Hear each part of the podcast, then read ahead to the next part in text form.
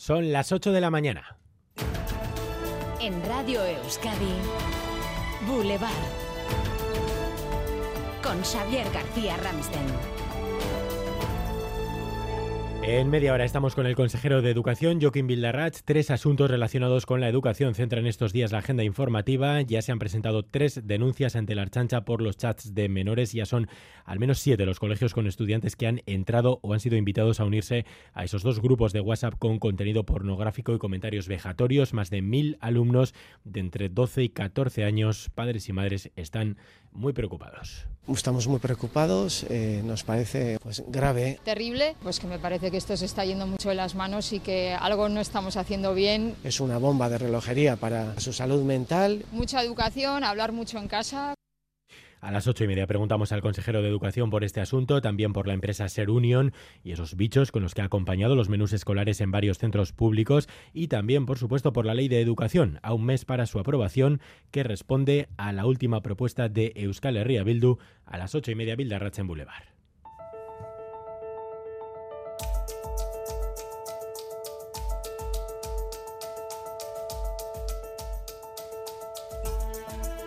Hoy además miramos al Parlamento Vasco porque hoy va a llegar a la Cámara Vasca el informe sobre los abusos sexuales en la infancia. Llevan años trabajando en este tema y lo que hoy se va a votar, entre otras cosas, establece por primera vez la creación de un registro con datos de menores de edad que hayan sido víctimas de abusos y también de sus victimarios. Sonia Hernando. Es un meticuloso trabajo en el que también se han implicado las propias víctimas que han pasado por el Parlamento a prestar su testimonio.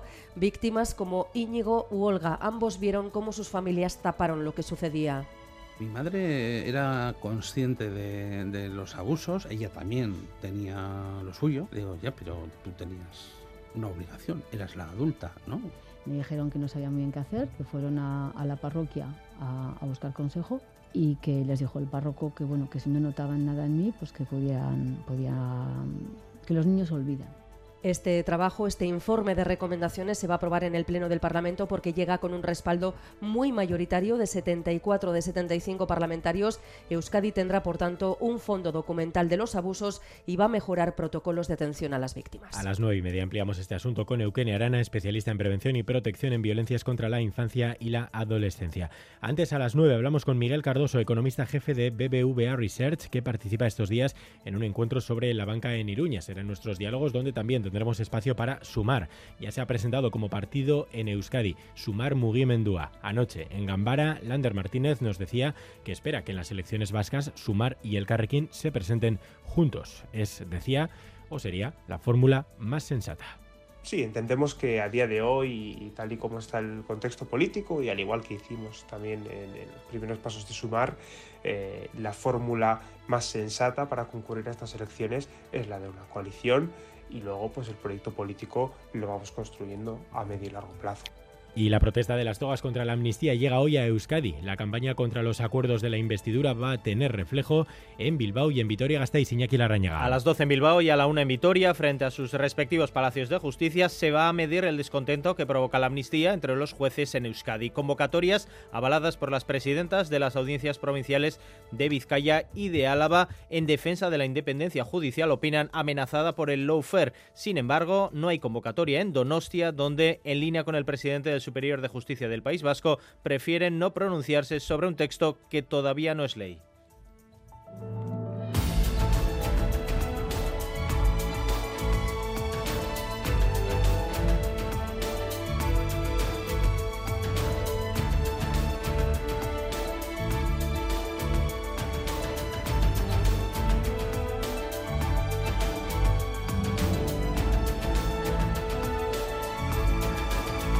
Además, jueces y Erchancha cruzan versiones sobre por qué el acuerdo, acusado de robar la pistola a un agente de la Erchancha en su casa ha quedado en libertad a Sierra Herrero. Su expareja está bajo amenaza, recibe protección policial y el arma sigue sin aparecer. El juez decano de Bilbao, Aner Uriarte, dice que la Erchancha no presentó el atestado por los hechos relativos al robo del arma Sin embargo, desde el Departamento de Seguridad dicen que informaron del robo al juzgado de Bilbao que lleva la causa por violencia de género y al de Baracaldo, que es el que instruye el caso por el robo de la pistola. Además, noticia que hemos conocido esta noche desde Navarra, el autor del crimen de Villaba, declarado culpable por un delito de asesinato con alevosía. Por unanimidad, su cómplice y una mujer considerada encubridora de los hechos también han sido declarados culpables. Rechazan que el autor del crimen actuase en legítima defensa o en un arrebato, aunque tampoco dan por probado que existiera un plan preconcebido. La tregua en la franja de Gaza podría estar en el aire después de que Israel haya anunciado que todo el proceso se aplaza a mañana. Estaba previsto que entrara hoy a las 10 de la mañana en vigor, pero Israel denuncia que jamás todavía no ha firmado el acuerdo ni ha entregado un listado con los nombres de los secuestrados, por lo que da un plazo de 24 horas más a Hamas para poder aplicarlo. La ultraderecha dobla su representación y gana las elecciones en Países Bajos. Con el 100% escrutado, el partido de Gert Wilders ha conseguido 35 de los 150 escaños.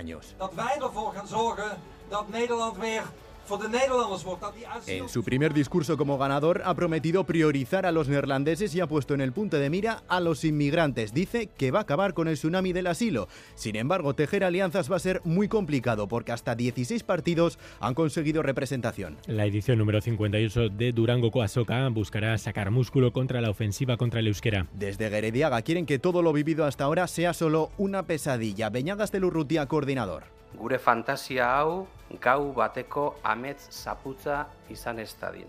La SOCA contará con más de 950 novedades, además de 257 stands, 9 más que el año pasado. Y los titulares del deporte, César Pérez Razola, Segunón. Egunon Xavier, nuevo triunfo de Basket en Europa, pleno de victorias para los hombres de negro en la primera fase de la FIBA Eurocup.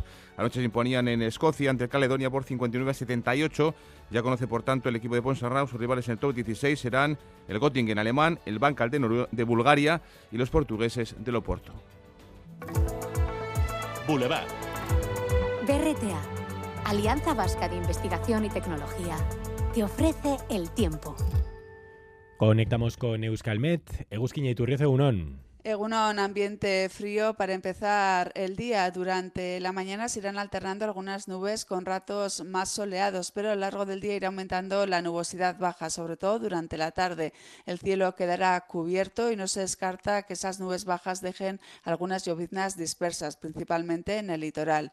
Soplará el viento del nordeste y las temperaturas diurnas apenas variarán. Seguiremos con ambiente fresco, con máximas por debajo de los 14 grados. Bueno, pues hoy que tenemos mínimas de 2 grados en Vitoria, de 4 en Pamplona. A esta hora tenemos ya algunas de esas mínimas, temperaturas muy frías, 4 grados en Gasteiz, 5 en Iruña, 6 en Donostia, 7 en Bilbao, 8 en Bayona, 688, 848, 40. Egunon tik-tik gaborniganotik iru gradu eta zerua lainotuta dago. Atera, zaketa lodiak armairutik. Egunon, gaur irunen fresko-fresko, 6 gradu besterik ez. Egunon izan. Egunon, elgean iru gradu eta argi. Agur. Hola, buenos días. Desde Baracaldo, 8 grados y nublado. Que paséis buen jueves. Agur.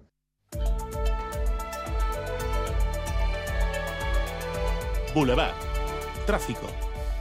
Salimos a las carreteras porque hay algunos problemas, los estamos viendo en las cámaras del Centro de Gestión de, Tráfico de Euskadi, ahora mismo en la carretera del BEC, en la Nacional 637, vemos el tráfico casi parado, también creo que en la avanzada donde circula ahora mismo la unidad móvil de Radio Euskadi, María Ruiz Egunón. Egunon, sí, hay un punto problemático a esta hora, es en la avanzada, la Vizcaya 637, en Erandio, justo antes de llegar a Leyoa. En ese punto un camión se había averiado, estaba eh, ocupando el carril derecho, pero justo en este momento vemos como la grúa se lleva este camión, así que se prevé que nada, en los próximos minutos los pequeños problemas que había generado este camión averiado en el carril derecho, pues ya se solucionen. Como decíamos, es en la avanzada, en Erandio, justo antes de llegar a Leyoa, en el sentido Guecho. Algunos de otros problemas, los habituales a esta hora, por ejemplo, también en la avanzada en sentido Bilbao. Vemos tráfico denso, parado en algunos momentos, es el tráfico habitual y también, como decía Xavier, en esos puntos habituales, el puente de Rontegui, corredor del Chorierri y también en la recta del Mass Center, el tráfico es bastante denso hasta ahora. Gracias María Ruiz, José Ignacio Revuelta en la unidad móvil de Radio Euskadi. Si son testigos de alguna incidencia más, ya saben, WhatsApp de Radio Euskadi 688 840 840. Pequeñas y medianas empresas, sabéis que podéis innovar en vuestros productos y procesos y que para ello tenéis a vuestra disposición 17 centros de BRTA? Porque innovar es cuestión de carácter, no de tamaño. BRTA, Alianza Vasca de Investigación y Tecnología. Gobierno Vasco, Euskadi, Bien Común. Recupera los contenidos de Radio Euskadi en la web eitb.eus y en la app EITB Nayeran.